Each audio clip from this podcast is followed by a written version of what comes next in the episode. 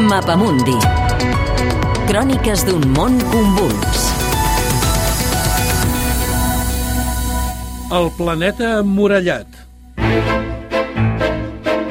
La caiguda del mur de Berlín l'any 1989 va marcar una fita en la història contemporània. Desapareixia una barrera que durant més de 40 anys havia dividit Europa físicament, mentalment i políticament.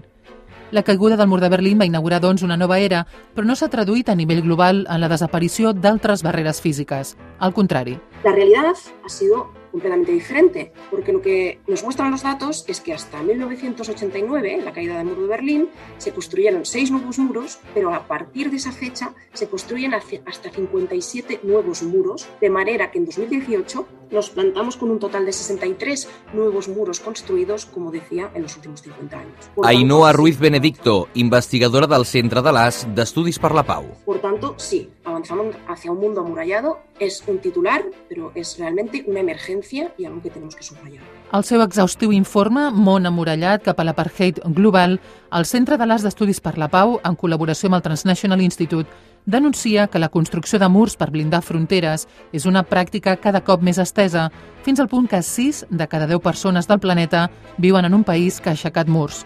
Aquestes són algunes de les dades i conclusions.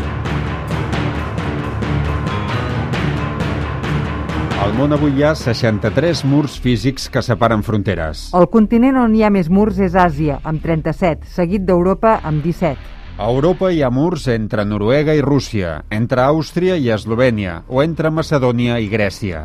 Espanya va ser pionera en aquesta dinàmica amb els murs de Ceuta i Melilla i el seu sistema integral de vigilància exterior, el CIBE, s'ha utilitzat com a model a Europa. Israel és el país que ha aixecat més murs del món, sis, per encerclar Cisjordània i Jerusalem, seguit del Marroc i de l'Iran. El cas de l'Índia és paradigmàtic. El 43% de les seves fronteres amb el Pakistan i Bangladesh està protegit amb murs, un total de 6.540 quilòmetres. Síria és el país més amurallat del món, quatre dels cinc països que l'envolten han blindat així les seves fronteres. A més dels murs físics, en les últimes dècades molts països han militaritzat les seves fronteres amb el desplegament de tropes, vaixells, avions, drons i sistemes de vigilància digital.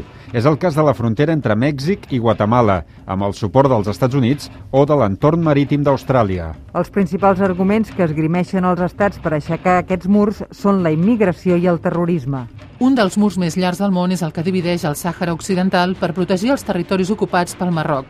2.720 quilòmetres de barrera custodiada per 160.000 soldats marroquins. Mahmoud Bekri, impulsor de la campanya Remove the Wall, retireu el mur al Sàhara Occidental. En el Sàhara Occidental tenemos realmente dos, dos muros, uno que es el muro físico, que divide el Sahara Occidental en dos partes y que divide su pueblo y que hace un impedimento en, en la vida de saharauis que siguen sufriendo las consecuencias de este muro.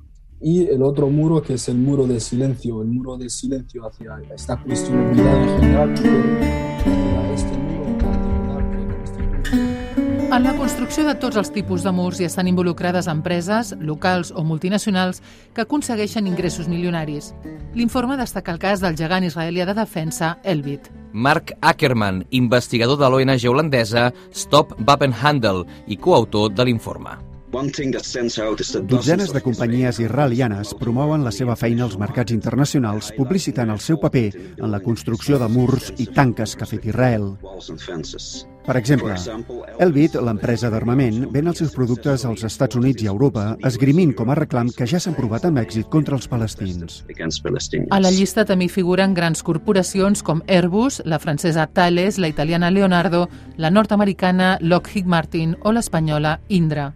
Empreses, a més, que actuen de lobistes davant òrgans de decisió per ajudar a fixar el discurs que davant les migracions, enteses com a amenaça, l'única resposta és aixecar barreres, segons denuncia l'informe.